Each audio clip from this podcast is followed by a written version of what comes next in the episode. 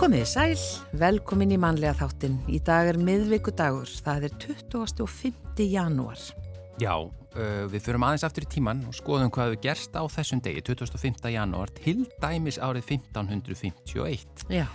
Norrlenskir vermenn á Suðunesjum drápu Kristján Skrifara og 13 aðra menn á kirkjubóli á miðnesi, það er ekkert annað. Nei, viljum við heyra eitthvað meira um það? Ég veit það ekki, Nei. það var á þessum tíma, var, já, sko, þetta er reyndar ekki alveg aftur á sturnungaöld, sko. Nei, en Þetta- Kristján Skrifari, við getum þó allavega upplýst það, hann héti réttu nafni Kristján Skrifa Já, og var umbóðsmaður hirstjóra konungs og hann var þarna á ferðsöðu með sjó að innheimta afgjöld konungsjarða og þá ráðast þeir á hann norlenskir uh, vermenn á Suðunisum. já, og hægt að googla þetta betur fyrir þá sem vilja uh, vita meira. Já, en við förum þá til ásins 1732. Eh, Níu manns fórust og níu komust af úr snjóflóði sem fjall á bæin Brimnes við Seyðisfjörð. Svo var það leiðarljós, framhaldsþátturinn hók göngu sína í útvarpi í bandaríkunum. Þannig byrjaði þetta, 1937. Þetta er, ótrú, þetta er að bráðum að verða 100 ár, sko. Já. Uh, Geirfinnsmálið, uh, Guðmundur Einarsson hvarf sporlust á þessum degi árið 1974. Uh, Skórækt ríkisins var flutt til Egilstaða, fyrsta ríkistofnunin sem var flutt út á land og þetta gerðist 1990 á þessum degi. Stefán Hörður Grímsson hlaut íslensku bókmentavelunin á þessum degi árið 1990 þegar þau voru veitt í fyrsta sinn. Og 1992 Þorger Þorgersson gegn Íslenska ríkinu, mannrettita domstóll Evrópu dæmdi Þorgeri í vil. Það var Þorger Þorgersson rithöndur. Já, normenn sendu upp tilruna eldflög til að rannsaka norðurljósin með þeim afleiðingum að varnarkerfi Rúslands fór í gang og varaði við kjarnorku árás Já. á þessum degi árið 1995. 2011 hæsti réttur Íslands ógildi kostningar til stjórnlagaþings á Íslandi 2010 vegna galla á framkvæmdeira. Já, yfir í efni þáttarins í dag, við ætlum að forvitnast um námskeið um það sem að hafa beri huga við atvinnuleit, hvernig á að gera áhuga vekjandi ferilskrá og kynningarbref. Ja, kynningarbref, já, hvernig er best að undibúa sig fyrir atvinnuviðtal og svo líka hvað er best að leita að starfi við hæfi. Einar Sigvaldason, stjórnendaþjálfi og ráðgjafi stýrir námskeiðinu að skara fram úr í atvinnuleit á vegum endumöntunar Háskóli Íslands og við ætlum að fá hann hér eftir nokkra mínútu til að segja okkur aðeins frá þessu. Læknir hættir í vinnunni og fylgir hjarta sínu yfir í annað eftir að hafa leitað til og unnið með markþjálfa. Þú að heyra svona hvernig þetta gerist. Jón Magnús Kristjánsson Læknir er meðal fyrirlesara á markþjálfunadeginu sem verður haldinn í næstu viku. Heyrum meira því hér eftir smá stund. Já, svo ætlum við að ringja út til Dammerkur og heyri sistrónum Brynju Mari og Söru Viktoríu Sverrisdætrum en þær munu taka þátt í dönsku undankeppninu fyrir Eurovision þann 11. februar næstkomandi. Það eru 19 og 17 ára en eru samt komna með talsverða reynslu. Brynja tók þátt í söngakeppni sjómasins með frumsami lag árið 2020 og þær eru á samningi hjá Universal útgáfinni og hafa verið með annan fótinn í Los Angeles undanfarið og við ætlum að kynnast þeim aðeins betur hér síðar í þættinum og heyra lægið sem þær keppa með í dönsku undankefni. En fyrst er það spilverk þjóðana og Egil's Appelsín.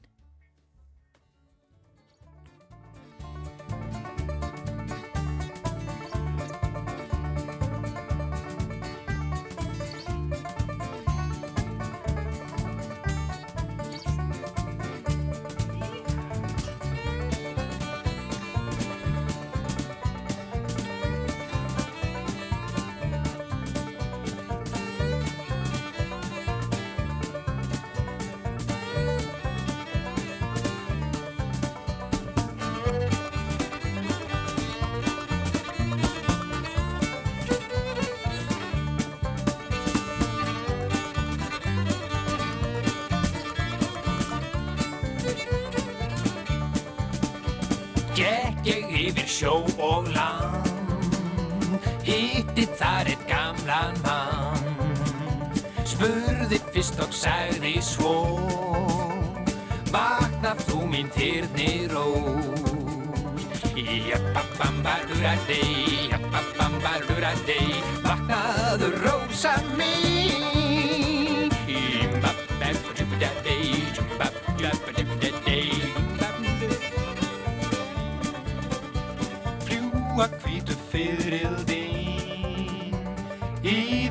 sagði sann Sigga litla sýstir mín Nú er horfið norðurland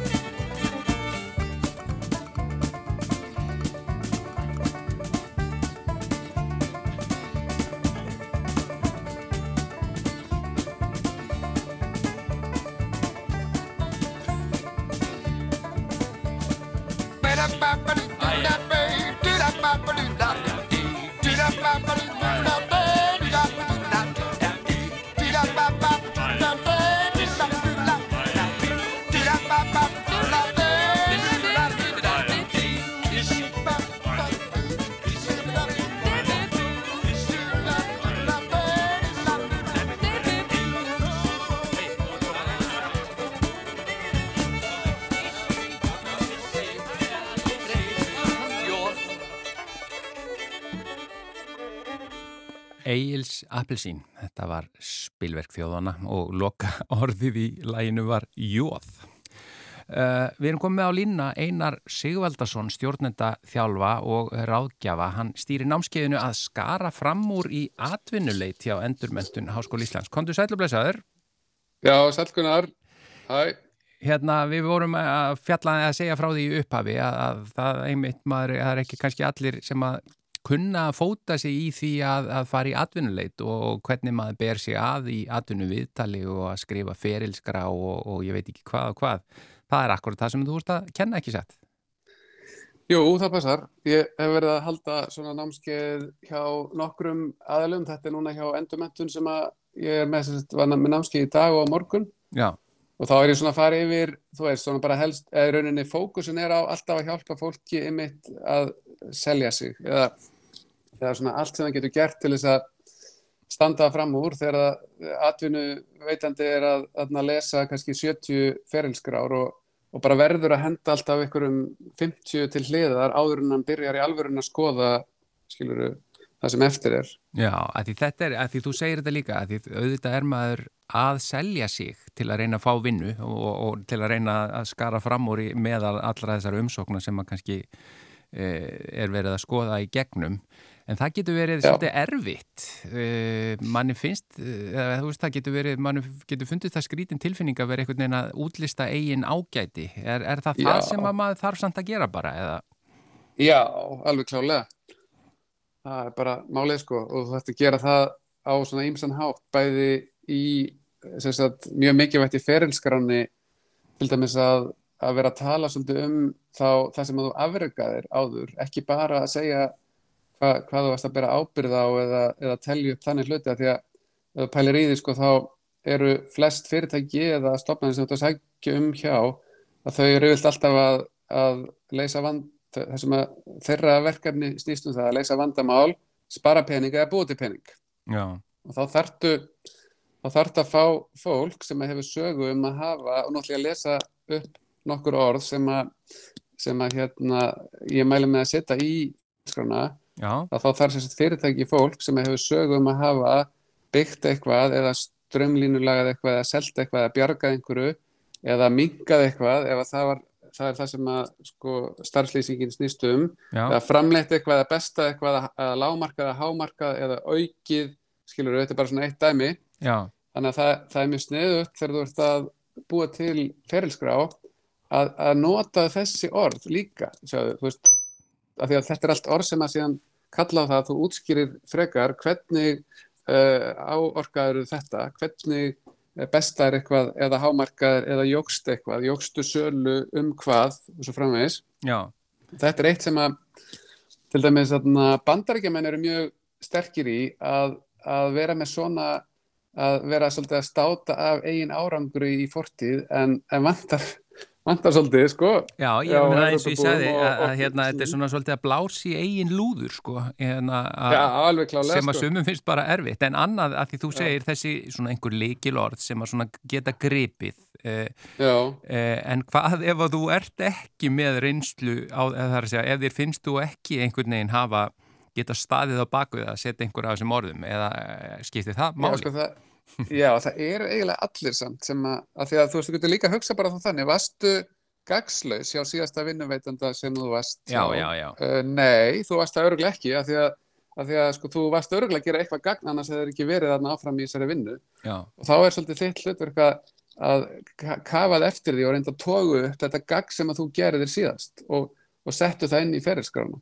og, og, og reynda, sko, það verður að vera finnst mér eitthvað svolítið, er allt í lagi líka að segja, sko eins og bandaríkjumenn, þeir vilja í raunin hafa ferilskrá uppi að þannig að sé eiginlega engöngu þetta, en þessi tótt, en það er alltaf líka að segja stundum að ég bara ábyrð á þessari deild og eitthvað svoleiðis. Það er aðeins minna stert, af því þú ert ekki alveg mikið að lýsa því að þú áorkaðir einhverju, en það er samt allt í lægi sko, því þú, þetta, atvinnu eða vinnuveitandi er, má segja, hann er bæði að leita mannesku sem að hefur náð árangri en líka auðvitað sem getur borið ábyrð á einhver og svona, þannig að það er að, svona að blanda þessu aðeins sko. þannig að ekki bara telja upp hvað þú hefur gert, heldur í rauninni hverju þú hefur áorkað í því starfi. Já, akkurat, og, og reyndu líka svolítið að maggjara það til dæmis, skilur við, reyndu að setja, þó að sé kannski ekki auðvelt í fyrstu, en reyndu aðeins að hugsa, sko, þú veist, ef þú varst einhver staðar, uh, varst í fjögur ár að vinna í einhverju og varst að þjóna einhverjum þarna á einhverju sviði, Mm. reyndu aðeins að pæli, sko, hversu mörgum þá endanum eftir þessi fjögur ár varst að þjóna og hvernig, og hva, hvað var það sem þú bættir í lífið þessa fólks og þá getur reyndu að setja það inn í, inn í til dæmis skilur við ferilskrána eða þessum að í kynbreyfi eða bara hvað, hvað sem það er sem þú ert að nota til þess að selja þig þegar þú ert að leita að vinnunni. Já, þannig að magn gera það svo að sé ekki bara loftkent einhvað, hérna, Já, svo það ekki bara akkurat að því að það hjálpar yfirleitt ef þú setur tölur eða, eða magn á hluti, sjáðu, veist, það er svona bara einhvern veginn gerir það aðeins sterkara sem þú ert þá að selja. en hvað er sko fólk sem kemur þá að leita til sín á svona námskið að læra þetta, hvað er svona helst að vefjast fyrir því, er, er það þetta að, að Já. selja sér nógu mikið? Já, ég myndi segja það hérna á Íslandi, sko. Já, það, það er að, að veist, og bara oft fattar fólk ekki heldur sko, það er svo oft þannig að fólk einhvern veginn, og þú ert líka oft bara, þú skilgreinir sjálfan þig ákveðin hátt með við fortíðina þína. Og það er eitthvað sem er líka gott að hans svona gránda sig eða, eða jarðbunda sig í byrjun. Og þú hefur valina hvort þú kannski einmitt endur skilgreinir aðeins hver þú ert, sko. Mm. ef þú bara horfir á fortíðina þína og getur oft skiptin í tímabil og, og mertu þessi tímabil þannig að þú sé að valdefla þig í dag skilur ekki eh, þannig að, að þú veist að það er alltaf jákvætt og neikvætt sem að kemur fyrir fólk á hvaða tímabili sem er. Mm og reyndu svolítið að gera það þannig að það sé svona komið sjálfkrafa fyrir þig bæðið fyrir að gera e, sífið og líka í viðtali að þú sér þá að, að sko kynna bestu útgáfun af þér í dag. Þú veist, einar 2023 skilur við hérna, að ég vil að fortíðin minn mig valdefli með eins mikið ég get. Og þá skiptir þetta máli að þú sétt aðeins búin að fyrirfram hugsa það því að það er svo margið sem eru og bara mjög eðlilegt að því að þeir sem að gengur í gegnum alls konar vandamál að þá er bara oft fólk á autopilot og það, það er svona hugurinn leitar oft fljótt í það að, að hann vil fara að tala um það sem er neikvætt og, og erfiðara sko. Hvað er og, sko, og það er að sjálfsögðu tími til þess að vinna úr því. Þú átt að vinna úr öllu sem er erfitt sko. já, en atvinnuviðtalið er nefnilega ekki tími fyrir það. Og þess vegna ertu svona að reyna aðskildið já það, það er annað sko, því það er eitt að gera ferilskrá og, og gera svona kynningarbref eh, en svo er það atvinnuviðtalið. Eh, er, er, að því að það er ekki yfirleitt þannig að það komast ekki allir í atvinnuviðtalið. Eh, það Jú, þarf- jú, og, og hvað er, er þá einhver eh, á, á maður þá að halda sömu línu bara og, og þetta sem þú ert að segja í, í kynningabrefinu og, og ferilskráni eða, eða er eitthvað, Já. e- eitthvað ný, Já. ný strategía í, já, já, þú veist, þú bara þarft að undirbúa þig og svona og verður búin að kynna þig fyrirtæki, verður tilbúin að þú veist, svara eins og eða spurt um laun, sko, verður, ég myndi alltaf mæla með að reyna að sko þæfa það í byrjun, sko.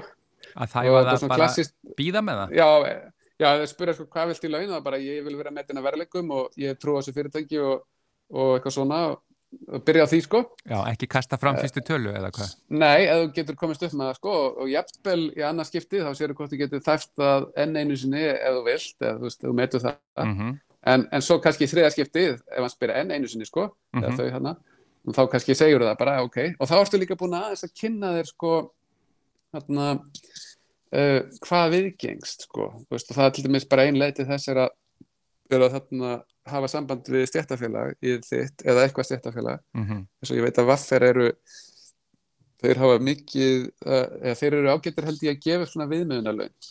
Þess að mikið vært í viðtalinu að þú segir ekki uh, sko, alls ekki á lágt. Það getur gef, gefið signal að þú bara metur ekki sjálfan eða verðlegum og þá ert ekkit ákjósalegu kostur en heldur ekki allt á hátt sko, þá þau líka svolítið að stræka þið út sko. En þetta getur mjög erfitt að finna einmitt þetta hérna akkurat Já. rétt að, Já. að skjóti ekki yfir markið eða langt undir það. já, það er það Já, og svo er mjög mikilvægt líka í, í viðtalinu sko að, að þú, að þú sko passaði að, að, að því að það er oft bara þannig að halla sig aftur og segja hver er einar og þá þarf ég, þá þarf ég svolítið að hafa söguna mín á hreinu og, og stundum fer fólk bara yfir ferilskrana bara tím, í tímaröð já, og passa sér svolítið að þetta sé þá ein saga sem ég er að segja um mig, mitt lífslaup það tengist aðeins sem ég var að segja áðan og þá ertu búin að hugsa eins hvað, hvað þú vilt vera að tala um við hvert tímabil. Og, og sérstaklega það sem eru, eru bil, sjáðu, ef þú ert einhvern tíma lendir í veikindum eða, eða atvinnuleysi eða eitthvað svoleiðis að verður þá tilbúin að tala um bilin, sko. Já, já. og segðu, akkur hættur þarna, jú, af því að þarna var ég búin að vera í fjögur ár og þá fannst mér tími komin til þess að, að breytum og, og ég fekk hérna þetta tilbúð, eitthvað svona, það er alveg mjög fín saga af hverju þú breytir. Og ef þetta, er, eru erfiðleikar eða eitthvað svoleiðis þá er mikið vægt að að númer eitt að passa sig að dvelja ekki í þeim að, að því að þú veist, sumi geta alveg farið að tala of lengi um það sem var erfitt og það er ekki gott.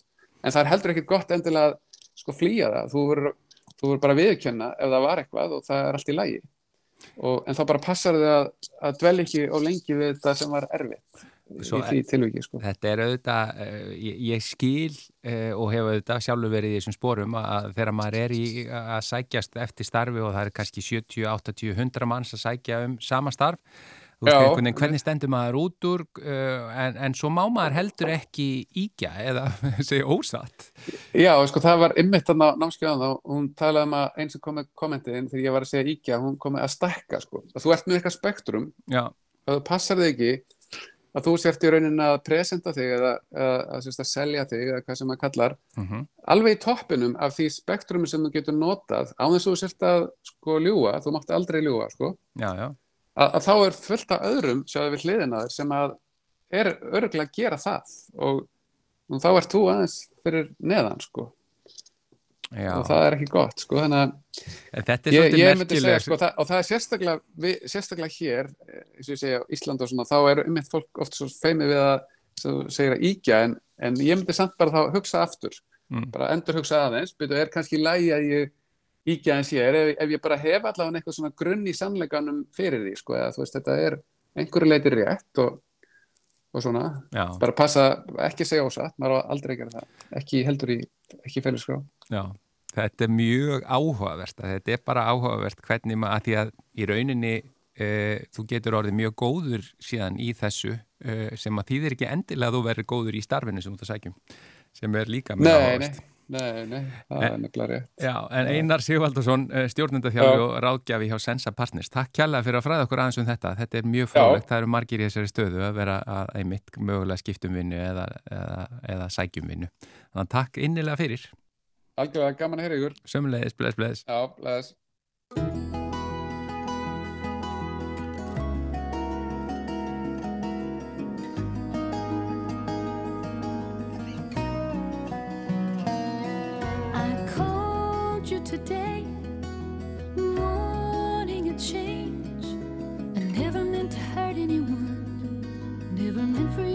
to your guns. But feelings won't stay in this meager parade. You're beating to a different drum in the lack of all the luster we've become. Save your breath. You know we've both tried our best, but it's leaving. This might as well be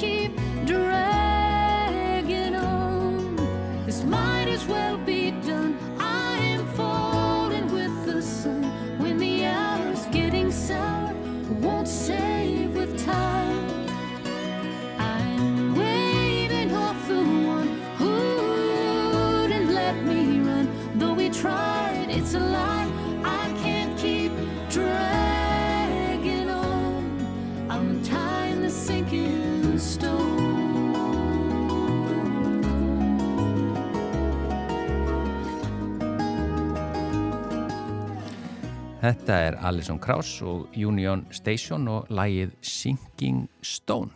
Já, og eh, eins og við sögum hér í upphafi, eh, læknir hættir í vinnunni, fylgir hjarta sínu yfir í annað eftir að hafa leita til og unni með markþjálfa.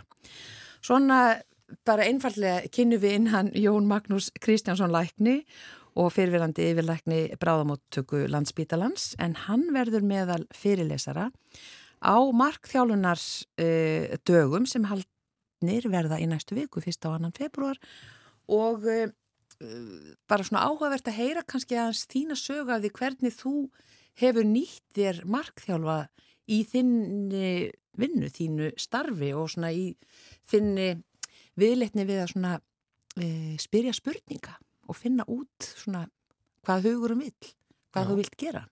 Lýstu þessu aðeins svona hvernig þetta byrjar. Já, takk fyrir að bjóða mér. Velkomin. Eh, Ég eh, byrjaði að kynast markþjálfun meðan ég var yfirlækni bráðamáttöku landsbítalans. Fyrir tæpum tíu ára síðan þá uh, réði landsbítalinn inn markþjálfa í teimið hjá sér og fór að bjóða upp á stjórnenda markþjálfun og það var með tvennu sniði, það var annars vegar einstaklingsmarkþjálfun fyrir stjórnanda til þess að, að í raun og veru verða betri stjórnandi var hugmyndin og, og, og hérna ná að, að, að skilja betur sitt hlutverk. En hins vegar líka voru teimismarkþjálfar. Þannig við í stjórnina teimi bráðamóttökunar fórum sameinlega í markþjálfun hjá teimismarkþjálfur þess að við myndum vinna betur saman sem, sem teimi og myndum svona hafa sameinlega sín á það hvernig við vildum gera hlutina, hvaða áherslur við vildum leggja og hvernig við vildum koma fram sem einn sterk heild gagvart restin á spítalanum en líka gagvart starffólkinu sem var að vinna hjá okkur. Ja. Þannig ég kynntist uh, markþjálfun á þeim tímapunkti. Síðan verða skipilagsbreytingar á landsbítala uh, og það eru bætt við nýju lægi millistjórninda sem kallast fórstuðumenn og þá sótti ég um og, og fekk stöðu fórstuðumanns bráða þjónustu uh, rétt fyrir COVID. Þannig ég byrjaði starfinu í, í januar 2020, mánuði, mánuði fyrir COVID uh, og þá byrjar á sama tíma nýr hjúgruna deildastjóri uh, á deildinni.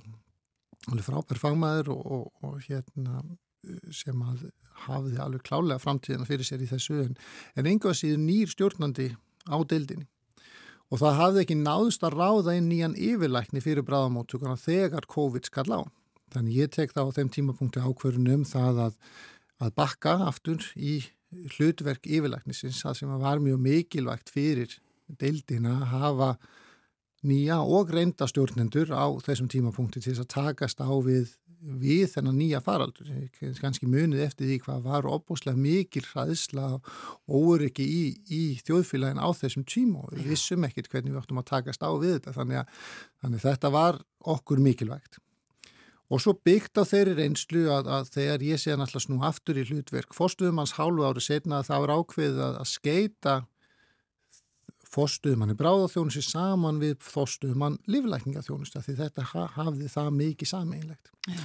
Og þá var svona tímapunkti fyrir mig til þess að staldra við og, og taka ákveðnum um það, ok, hvað er það sem ég vil á þessum tímapunkti og þá nýtti ég með markþjálun innan landsbítalans og, og talaði við eh, Huldur Dóri Styrmistóttur, alveg frábæran markþjálfa sem var þar uh, og ákvað að, að nei, hérna væri gott tíma góð, góðu tímapunktu til þess að, að, að aðeins að staldra við og, og venda kvæðinu mín svolítið í kross og, og sækjast meira eftir stjórnunastöðum uh, og ég byrði... Var það í rauninni þá sko markþjálfin hún áttar það á því að finna út að það er það sem þú vilt eða hvað? Sko það sem fyrir mér markþjálfar gera það er það að þeir eru svona speglar, þeir, þeir spegla þig og, og spurja innan gæsa lappa réttu spurningana til þess að þú náir að fá alveg upp á yfirborðið hvað er að raunverulega sem þú sækist eftir. Þannig bæði hver eru þín gildi, hvað er það sem þú vilt standa fyrir og hvernig viltu náðangað. Vegna þess að það er alveg óbúslega mikið áreiti frá alls konar, frá, frá vinnunni og fjölskyldunni og þú, þú ert alveg mjög oft alveg í miðri þeituvindunni í, í þínu lífi og það er alveg óbúslega holdt og gott að, að setjast niður og taka þessi skrif tilbaka og hugsa hvað er það sem ég raunverulega vil og þar hefur markþjálfar, markþjálfun reynst mér alveg óbúslega vel til þess að spurja þessari gaggrínu spurninga og, og, og draga þetta fram. Já. Þannig að, að fyrir mér, það er aldrei þannig að markþjálfin lætur þig fara ykkur að leið sem þú vilt ekki fara. En ef þú er tilbúin og tilbúin að opna þig og, og, svara erfiðu spurningunum um sjálfan þig, að, að þá er þetta alveg opuslega stert tól. Ég hafði nýlega áður lokið MBA-námi frá Háskólanum Reykjavík og var svona svolítið, mjög heillaðir af stjórnun og stjórnun fyrirtækja og svo framvegis og og var svona mikið í, í þeim pælingum á þeim tíma og var þess vegna alveg óbúslega þakklátur og ánaði þegar ég fekk möguleika náði að verða framkvæmdastjóri hjá Helsuvend sem er svona e, sjálfsett starfandi helbriðis fyrirtæki og, og nokkuð stort og einna stæst á, á íslenskar mæli hverða. Það reykur helsugæslustöð, það reykur núna e, öflöga fyrirtækja helbriðstjónustu Það er að segja, þeir eru með svona trúnaðalækningar, þeir eru með ráðgefin í fyrirtæki, þeir eru með fjárvistaskráningar, þeir reyka hjókunaheimili á Akureyri og núna nýlega búin að taka við að reyka vývilstaði, þannig að þetta er tölver stórt fyrirtæki. Mm, þannig að þú fer þangað... Ég fer þangað inn til þess að fara frá landsbítanum, til þess að vera í svona meiri fyrirtækja stjórnunar hlutverk Já. í raun að vera. Uh, og kemst svo að því að eftir svolítinn tíma þá þá finn ég að þetta, ég, ég, þetta er ekki að, þetta á ekki við mig. ég, ég skal segja fyrstu til að segja að ég hef aldrei unnið í fyrirtæki þar sem ég jafnvel hugsað um starfsfólkið og, og alveg frábært fyrirtæki að vinna, vinna hjá en ég var ekki að fá það út úr vinnunni sem ég langaði og, og þá var nú sem betur fer þannig aftur að, að ég var svolítið að böglast með þetta vegna að ég var, þarna var ég búin að fá tækifæri sem ég vildi mm. og þarna var ég búin að fá allt upp í hendunar og samt var ég ekki sáttur og ánaður og ég fann að, að, að mér var bara að fara að líða ver og ver. Var, þetta þá bara á annan hátt en þú bjóst við að það yrði?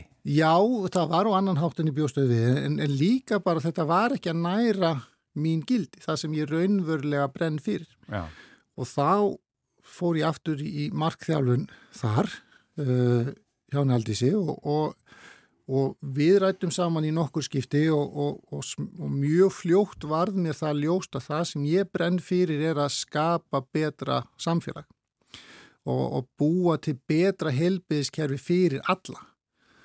Þannig að, að uh, ég sóktist eftir og greip strax tækifæri þegar ég fikk tækifæri til þess að fara inn í helbriðisræðunitið sem sérfræðingur í málefnum bráðaþjónustu og fekk þar tækifæri til þess að, að leiða viðbrasteimi ræðunitisins um bráðaþjónustu sem hafði það hlutverk að líta yfir stöðuna í bráðaþjónustu landin og koma með til, stefnumótandi tillögur til næstu árum hvernig viljum við raunverulega hafa bráðaþjónustum fyrir all landið. Mm. Allt frá miðborg Reykjavíkur til mesta dreifbílis hvernig sjáum við fyrir okkur að heilda kerfið geti þjónustað einstaklingarna landinu sem best og, það var miklu meira í anda míns kjarna, mína kjarna gilda og, og þó svo að, að eh, ég þessum skrefum hafi farið úr bara kannski alveg óbúslega góðri vinnuaðstöð, óbúslega góðum fyrirtækja menning og svo inn í inn í ráðuneytið og inn í, inn í ákveðna það, er náttúrulega reyfi sér ekkit rosalega hratt að mörgu leiti þetta, þetta kerfi, þetta kerfi. Mm. En samt sem áður var ég að, að, að fylgja mínu hjarta og það er alveg óbúslega sterkur þráður hjá mér að, að það hef ég fengið út úr markþjálun. Mm. Þannig, og þar erstu núna? Þar er ég núna Já. og við erum að ljúka þessu verkefni Uh, vorum að skiliðum á okkur skíslu í desember, við erum að vinna úr öllum þeim hugmyndir sem 39 hugmyndir sem komið fram til umbóta og erum að koma þeim á, á í rétta farvegi mm. öllum til þess að geta þessi flestir að þeim orðið að veruleika. Og ég er að ljúka mínu verkefni í ráðniti núna í lok marsmánuð og það er alveg óbúslega góð tilfinning að hafa fengið þetta tækifæri. Og ég upplifi að, að, að með því að, að hafa farið í markþjálun hafa tekið ákvarðinu sem er í samræmi við svona mína, mína lífsín og það sem ég vil að þá líður mér miklu betur og ég, ég finn það bara, ég hef meiri þólinnmæði heima, ég, ég held að ég get alveg fullið það ég sé betri pappi og betri maki af því að hafa fyllt mínu, mínu hjarta. Og þetta var ferðalag þar að segja að, að fyrsta sem kemur út úr því er ekki síðan endilega það sem að hendaði þér, þannig að Nei. þá helstu áfram. Já. Já og það er eiginlega svolítið mikilvægt að, að sko markþjálfun gefur þér ákveðnar það hjálpar að finna hvað þú vilt gera á hverjum einum tímapunkti mm -hmm. þú þarf ekki endilega að hafa rétt fyrir þér það sé draumurinn til allra framtíðar á þeim tímapunkti en það flíti fyrir þér og styrki þig í þessu ferli að, að, að komast fram á við í þínu lífi að, að verða að endanum bestu mjögulega á útgáðuna sjálfur þér mm. En það sem þú ert uh, svona núna, þú ert svona komin einhvern svona hálfring eða já, eh, heldur að á endanum gætur séð fyrir þér að fara bara aftur út í lækningarnar? Er það eitthvað svona sem, þú veist, er þetta þannig kannski ferðalag? Það er ekkit ólíklegt. Er, ég finn það að ég, það eru margir þættir í lækningunum sem ég sakna og sakna meira og meira og það sem kannski ég sakna mest er þessi þessi tenging við einstaklingana, við, við þá sem leita til mín mm. og, og veist, eiga þetta samtal sem að fyrir mig sem lækni er, er ekki bara tæknilegt og, og snýst ekki bara um það að greina þennan sjúkdóm og þá þarf það að taka þetta meðal heldur, það er líka einhver personli tenging þarna milli uh, og sem að, sem að ég sakna alveg rosalega mikið, þannig ég get vel séð fyrir mér að fara aftur í, í lækningar að, svona, fljótlega. Ég hef ekki tekið neina ákvörðun um það hver, hver næstu skrif verða en, en ég hef tekið ákvörðun um það að, að halda áfram að fylgja hærtan. Mm. Bara gott að heyra og, hérna, og áhugavert að heyra þessa sögu þína. Jón Magnús Kristjánsson Læknir og fyrirverandi yfirleiknir Bráðamótöku landsbítalans og þú verður meðal fyrirlesara á markþjálunar uh, dögunum í næstu viku, fyrst á annan februar og, og svona ætlar að flytja erundi einmitt um, um svona þitt ferðalag með þínum markþjálfum Já, við, hérna, við aldrei sverum saman með, með fyrirlistu þar sem við kannski förum nánar út í þetta hvað er það raun og veru sem gerist í markþjálfun, þetta samspil og þessi samvinna markþjálfans og markþegans, mm. eh, hvernig, hvernig fer þetta fram og, og hvað þar til til þess að þetta virki, þetta er, er ekki endilega alveg sjálfsagt uh, og, og hvaða árangur er það sem hann getur vonast til þess að fá, þannig að við förum nánar út í þetta þar. Kæra þakkir Jón Magnús Kristjánsson. Takk sem þess. You place the flowers in the vase that you bought today. Staring at the fire for hours and hours while I listen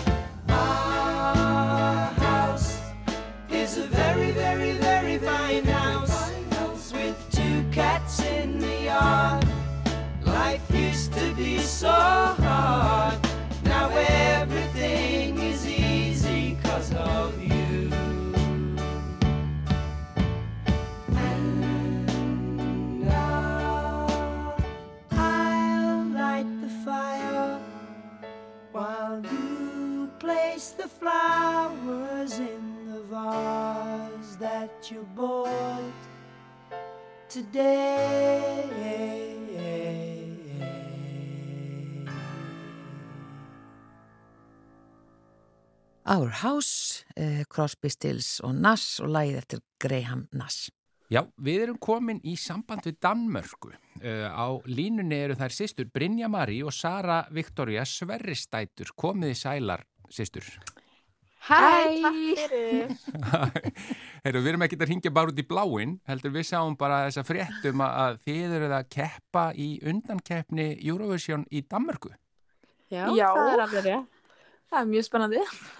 Já, vá, ég menna keppnin, sko, að því þú ert nú engin aukvis í þessu Brynja, þó þið séu bara 17 og 19 ára. Brynja, þú tókst þátt í Já. undankeppninni hér heima, eða ekki 2020? Jú, þegar ég var hérna 16 ára. Já, með, með frumsami lag.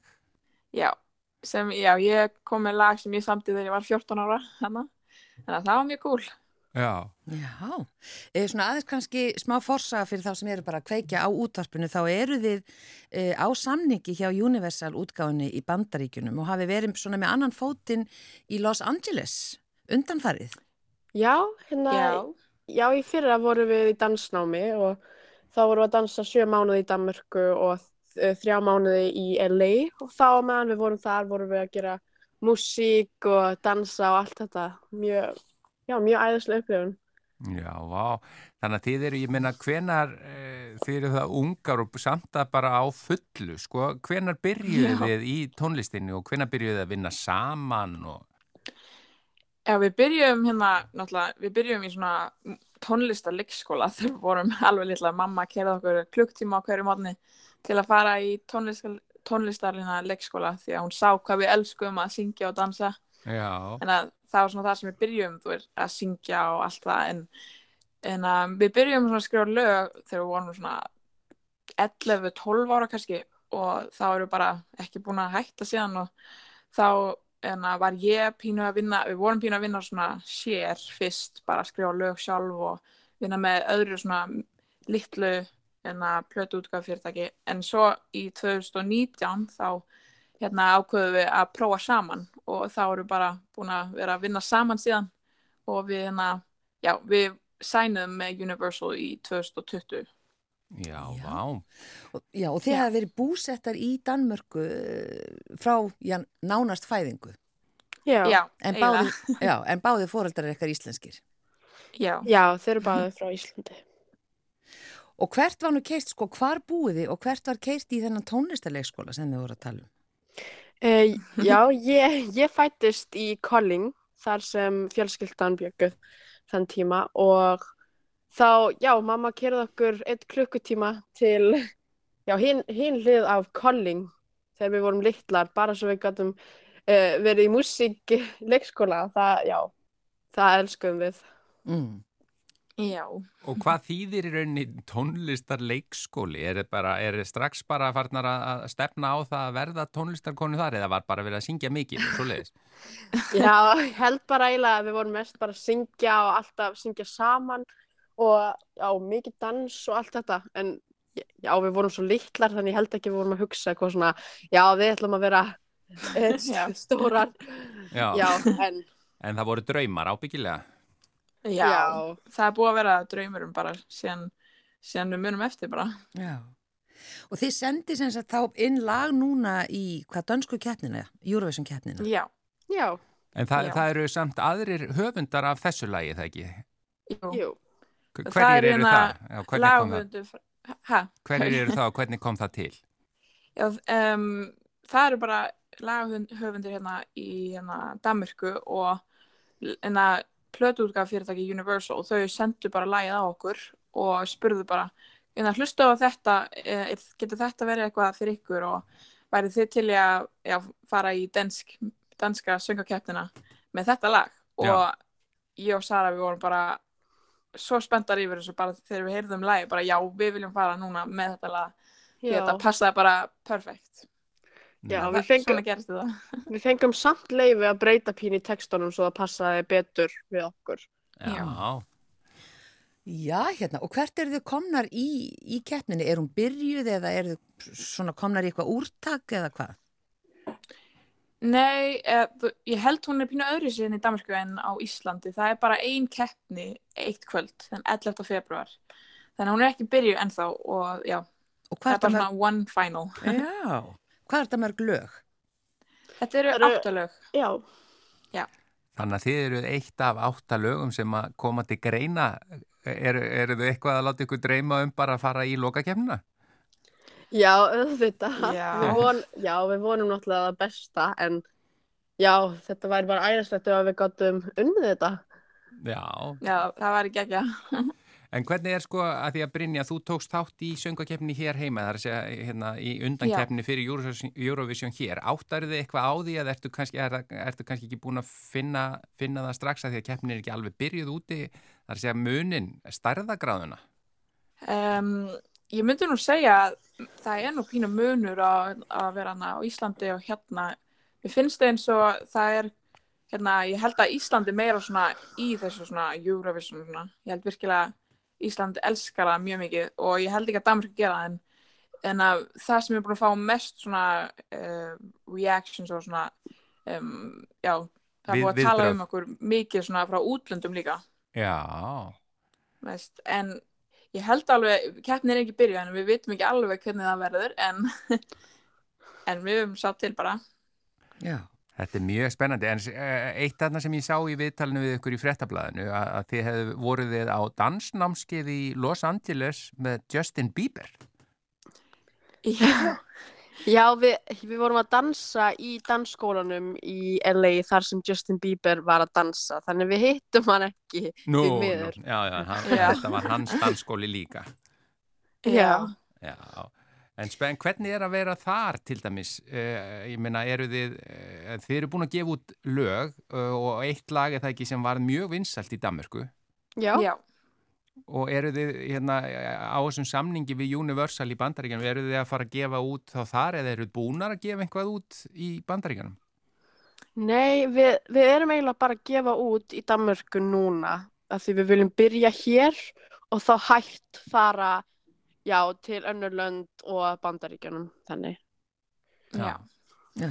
En þið kallið ykkur þegar þið eru saman, þá kallið ykkur EIA, það er að segja með tveimur. A, tvö, tvö A í lokin, hvaðan kemur þetta nafn? já já, það eiga kemur frá það var eiginlega pappi okkar sem fann upp á nafni en um, svona fyrir okkur er þetta orð svona eiga sem við erum búin að búa til gegnum árin, þú veist, vináttan okkar og músikin okkar, þetta er svona við erum búin að búa til þessa litlu eigi sem er bara svona okkar heimum með það sem við erum að gera því að við erum búin að vera best vinkonir síðan við bara vorum já, pínu litlar og búin að gera allt saman allt lífið okkar, þannig að Já. þetta er svona okkar lit, svona mini island, Já, þá, þá er þetta líka bara fallegt orð og við vildum setja annað A á út af því að við erum tvær.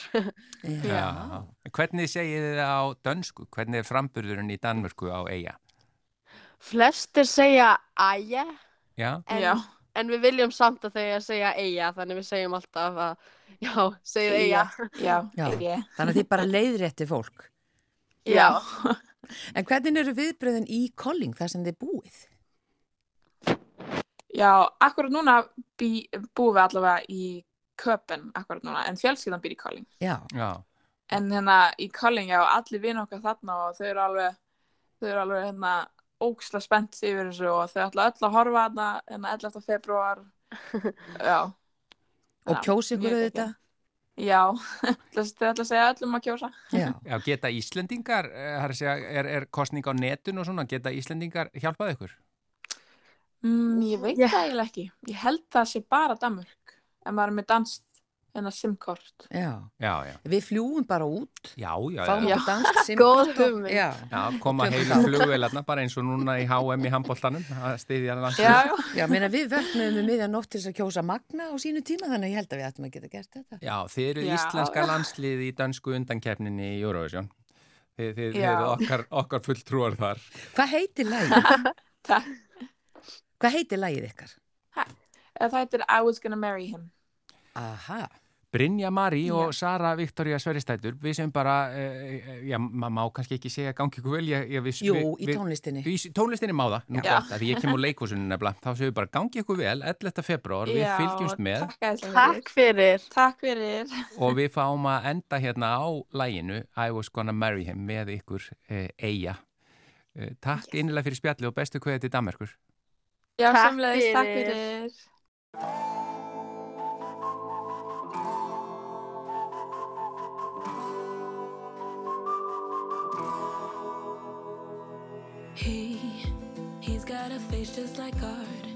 Trust me, I loved every part, as if he was one of the seven wonders. But, but when I gave him my heart, he took it and tore it apart. He took it and tore it apart. He ran away.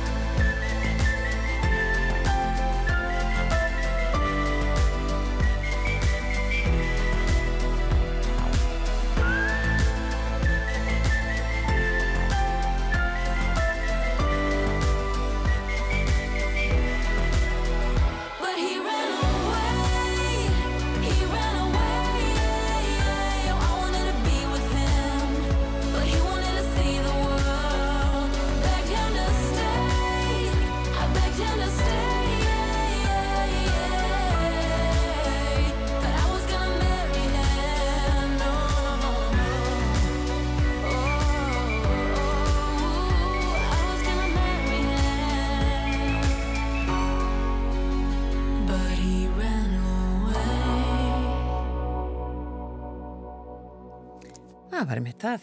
Þetta voru sýsturnar uh, Brynja Mari og Sara Viktoria Sverristætur, þær kalla sig Eija með tveimur, eða þess að tvö A í lokin Mhm. og þetta var lagi marry him sem þær eru að fara að keppa með 11. februar í undankeppni fyrir Eurovision keppna í Danmarku. Já, og keppnin verður á DR1 sögðar, þannig að þeir sem, þau sem eru með þessa stöð geta nú aldeilis fylst með, en við getum ekki kosið. Já, líklega ekki. Nei, ekki nefnum að fáið sér eitthvað danst, er það ekki simkortið? Svo náttúrulega fullt af Íslendingum bara í, í Danmarku. Ha? Svo er fullt af Íslendingum í Danmarku líka. sko. já, já, já, Já, já. Það- Er þetta ekki, nei, þetta voru eitthvað rafræn skilningi sem að þarf náttúrulega til að geta kosið eitthvað. Já, já, en við sjáum hvort einhver finnir út úr því Já, já, já.